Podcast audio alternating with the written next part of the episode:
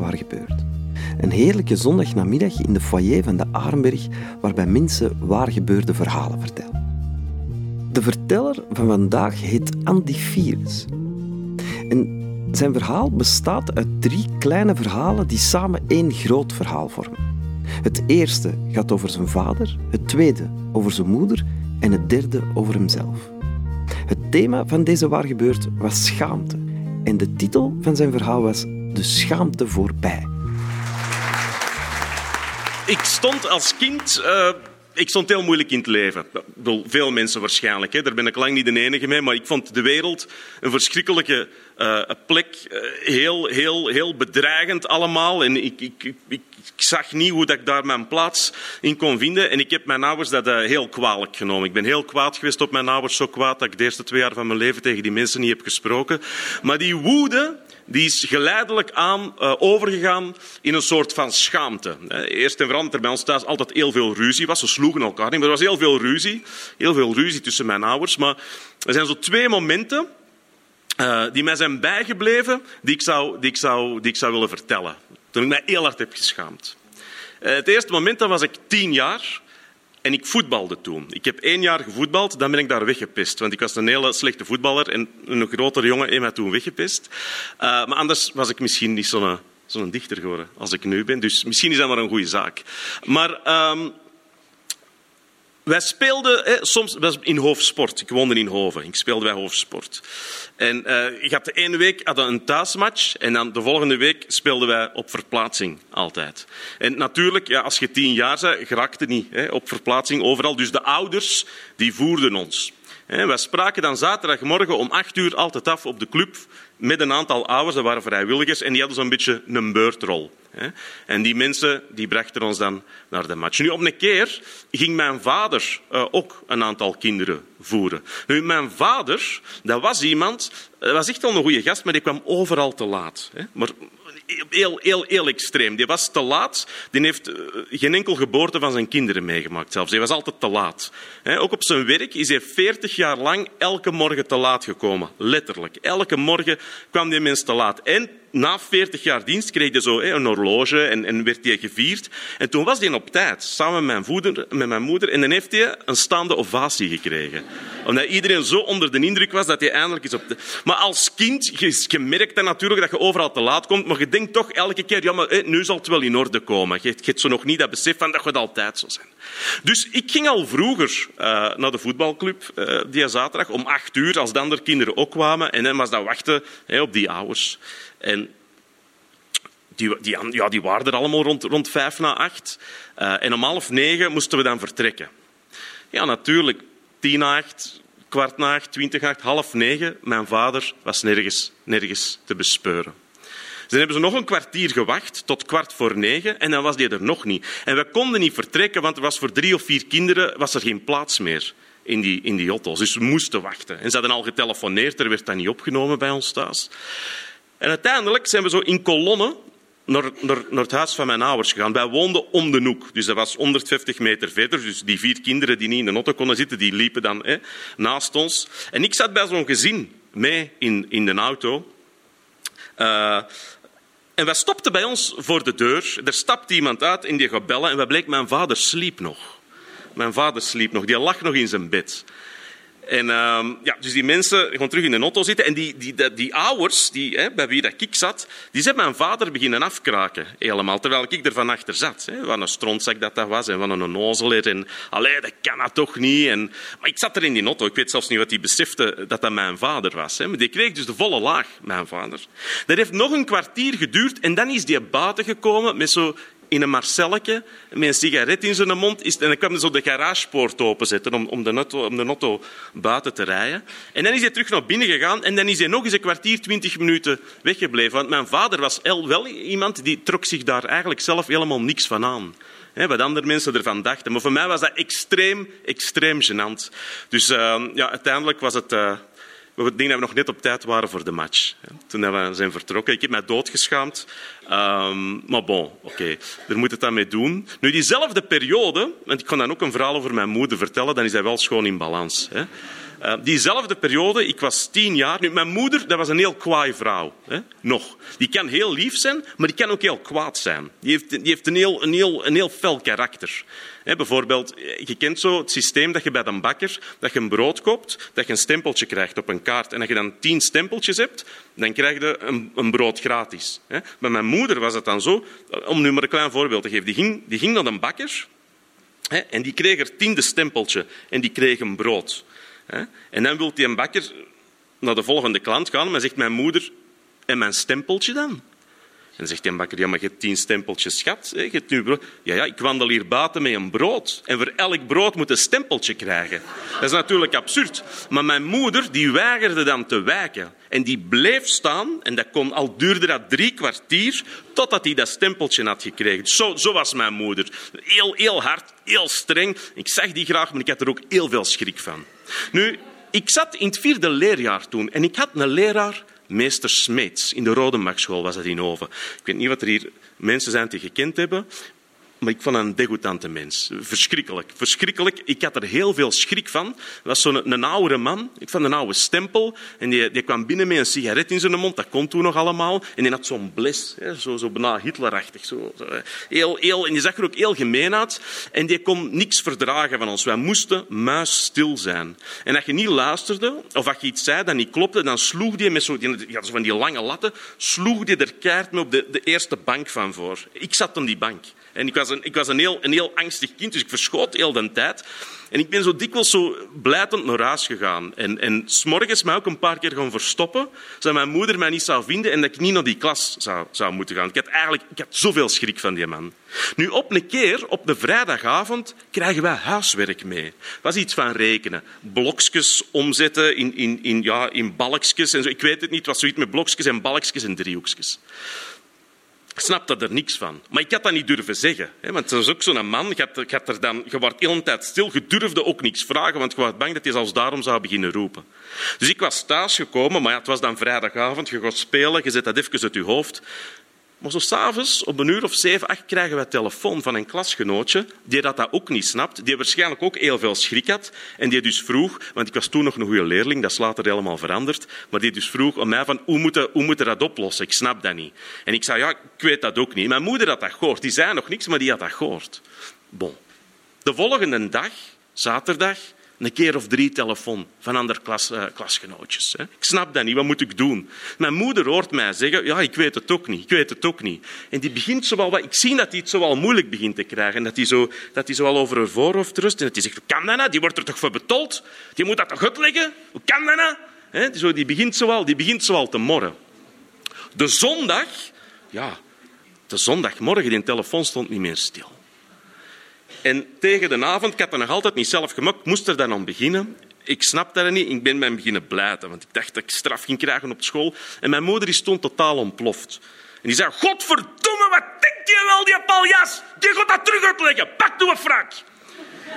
En die woonde vier straten verder, bij ons meester Smeets. De strengste. Als ik die nu zou zien, zou ik er nog in een wijde boog omheen. Zoveel, zoveel schrik is. Maar mijn moeder, ja, ik zei, nee, nee, mama, nee, nee, nee. Zo, frak. Het was winter, hè, dus je moest wel een frak aan doen, want anders... Dus, en, er was, en die heeft mij dus echt zo gesleurd, hè, zo, zo, zo, die leraar thuis. En ik schaamde mij dood. Ik schaamde mij dood. En wij komen eraan. En ik probeerde de hele tijd te gaan lopen, maar die was ook nog eens heel sterk, mijn moeder. Dus ik kon mij niet losfrikken uit die, uit die, uit die greep. Die belt aan en die komt open doen. En ik, ja, ik, begon, ik deed bekan in mijn broek van schrik. Want dat was, die, ja, dat was, die, dat was een soort van Satan, hè, die, die gast in de. En, uh, en mijn moeder zegt... Ga door de job niet goed. Je gaat dat terug uitleggen. Zo zei hij dat. En die zei... Oh ja, kom maar binnen dan. En, ja, en die had dus veel schrik van mijn moeder. Want je zal ook wel verhalen hebben gehoord over ons moeder in een dorp. Dus wij kwamen binnen in de woonkamer. Deze vrouw en zijn kinderen zaten daar. Die moesten weg van mijn moeder. Die moesten weg. Dus die hebben de tafel vrijgemaakt. Ik moest gewoon zitten. Die moest naast mij komen zitten. En mijn moeder stond er zo naast. Uitleggen, zei hij. Uitleggen. En die heeft dat uiteindelijk helemaal terug uitgelegd aan mij. En zei, oh, maar mijn jongen, hè, het, is zo, het is allemaal niet zo moeilijk. En ineens was hij was die, was die booslief. Was die poeslief. Maar ik had natuurlijk, ja, die schaamte die bleef. Want wat had mijn moeder mij aangedaan? Het jaar was nog maar half. Ik moest een half jaar voort met die mens. En ik was panisch dat hij mij ging terugpakken later op het jaar. Dat is uiteindelijk niet gebeurd, maar ik heb er wel heel het jaar verder van, van wakker gelegen. Nu, tien jaar geleden, dit jaar tien jaar geleden, op 8 december, was ik aan het optreden hier in de kleine zaal in de Arenberg. En ik heb toen een hersenbloeding gekregen tijdens mijn optreden. En ik had blijkbaar een paar dagen ervoor gezegd dat ik iets speciaal ging doen. Dat kan ik me niet herinneren. Dus ze hebben mij er even laten liggen, want ze dachten dat dat een act was. Maar dat was echt een hersenbloeding. En ze hebben mij naar het ziekenhuis gebracht. En in het Middelheim ziekenhuis hebben ze toen uh, mijn, uh, mijn, leven gered. Uh, in, hier, hier niet zo ver vandaan. Maar daarna was ik eigenlijk geen mens niet meer. Ik had heel veel pijn. Je kunt dat niet uitleggen. Dat, zijn zo van die dingen. Mensen die zelf iets ergs hebben meegemaakt, fysiek met je lichaam kunt dat, of met je hoofd, kunt dat moeilijk uitleggen. Maar ik had heel veel last van evenwichtstoornissen. Ik kon heel weinig dingen nog verdragen. Mijn smaakpapillen waren aangetast. Niks proefde nog zoals, zoals ik het kende. Uh, maar... Um, Geleidelijk aan is dat weer beter gaan, maar eigenlijk kon ik niet veel meer. Alles kostte mij enorm veel moeite. En ik werd daar heel depressief van. Ik kon dat niet aan om als soort van ellendige nietsnut thuis te zitten. Dus ik ben heel snel terug gaan optreden, alhoewel dat eigenlijk niet mocht van een dokter. Maar een van de eerste vragen die ik kreeg om terug te komen optreden, dat was om naar Japan te komen. En dat was uh, vijf maanden later. En ik heb ja gezegd. Maar het mocht niet van mijn dokter, want dat is ook een lange vlucht in mijn hoofd. Dat was allemaal niet goed. Ik heb toch ja gezegd. Ik dacht, dat gaat mij goed doen. Want ze hadden gezegd, je moet eigenlijk maar vijf minuten optreden en dan mocht jij hier een heel week blijven verder. En dan kun jij, dan kun jij relaxen. Nu, dat optreden kwam dichter en dat ging dan een van de eerste keer zijn. Ik was redelijk zenuwachtig en ik had, toen ik in Japan aankwam, eigenlijk al drie dagen niet meer geslapen. Mijn ogen wel toegedaan en gerust, maar en dan met die evenwichtstoornis erbij en al die andere dingen. Ik, ik ben zo bijna van dat vliegtuig gestrompeld en ik dacht, amai, ik kon eerst even liggen. Ik moet eerst even gewoon liggen. Maar wat zei ze tegen mij? Ja, Andy, we hebben nu een vergadering. Dus ik moest eerst mee gaan vergaderen. En dan bleek dat ze een chic etentje hadden geregeld in het beste sushi-restaurant van Osaka. En ik kon daar niet onderuit. Ik kon daar niet onderuit. Dus ik moest mee. Moeite om mijn ogen open te houden. Vond mij verschrikkelijk. Mijn maag deed raar. En in Japan, hoe gaat dat? Ik mocht ook niet nee zeggen, dat is heel onbeleefd. Er werden rondjes gegeven. Sake, halve liters bier, dan al die rauwe vis. En dat bleef maar komen. Dan nog naar een whiskybar. En ineens was het vatje vol. En ik voelde dat ik ging flauwvallen. Ik kon niet meer. Ik was totaal op, fysiek, mentaal, alles, alles was op. Helemaal kapot. Maar bon, ik heb tegen die mensen gezegd, ik had zo net een vol glas, sorry, ik moet nu gaan. Ik moet nu gaan. En ik ben echt naar buiten gelopen, omdat ik voelde dat ik elk moment kon neervallen. En ik heb mij vastgehouden aan de gevels van de gebouwen om tot aan mijn hotel te geraken.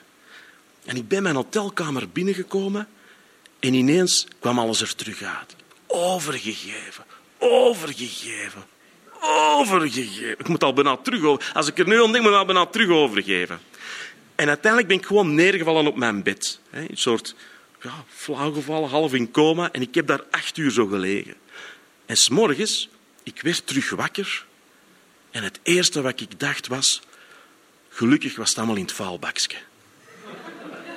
En toen deed ik mijn ogen open en daar stond inderdaad een vuilbakje. Dat was omgevallen, maar daar zat helemaal niks in. Maar die kamer die had een tapis plein.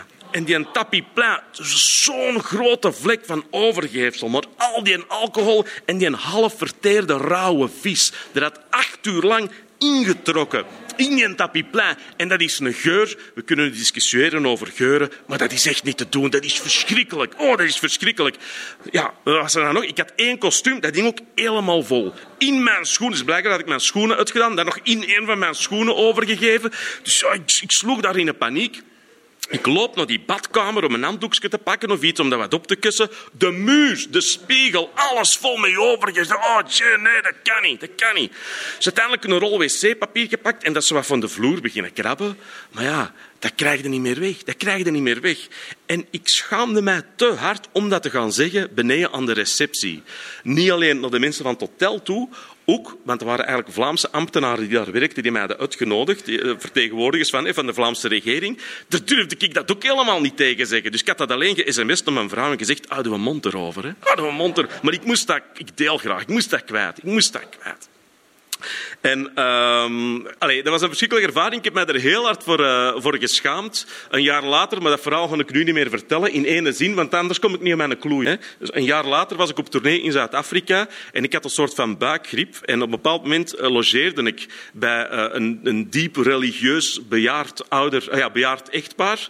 en ik heb daar s'nachts in mijn slaap heel mijn bed onder gekakt. Maar dat is een heel ander verhaal. En, en toen durfde ik dat ook tegen niemand zeggen. Had ik dat ook ge-sms'd. Zeg dat tegen niemand. Zeg dat tegen niemand. Houd u voor jezelf. En uiteindelijk heb ik dat zo een tijd met mij meegedragen. Maar dan is er toch een moment gekomen dat ik op café was met een aantal vrienden. En we hadden allemaal nogal veel gedronken. En heb het bij wijze van spreken, ben ik op de toog geklommen en heb ik het geroepen. Zodat die een soort van last van mijn schouders viel. En ik ben de volgende morgen wakker geworden en mijn schaamte was weg. Al mijn schaamte was weg. Ik was voorbij de schaamte. Waarom? Omdat je gewoon bang bent dat je betrapt geworden voor iets wat uiteindelijk misschien niet heel prettig is, maar toch heel menselijk en waarschijnlijk vele anderen ook wel is overkomen. Toch min of meer. En ik, ben, ik heb mezelf ervan kunnen bevrijden. En eigenlijk is er nu nog maar één ding waarvoor ik me echt schaam, na al die jaren. En dat is het feit dat ik mij als kind zo heb geschaamd voor mijn ouders. Want als ik er nu aan terugdenk, dan besef ik, besef ik heel goed dat ondanks al hun gebreken en ondanks al hun fouten, dat zij alleen maar het allerbeste voor hadden met mij.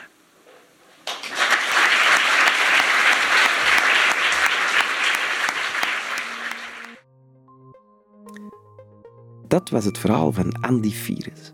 Andy is van beroep dichter en in die hoedanigheid is hij gespecialiseerd in het performen van zijn eigen gedichten.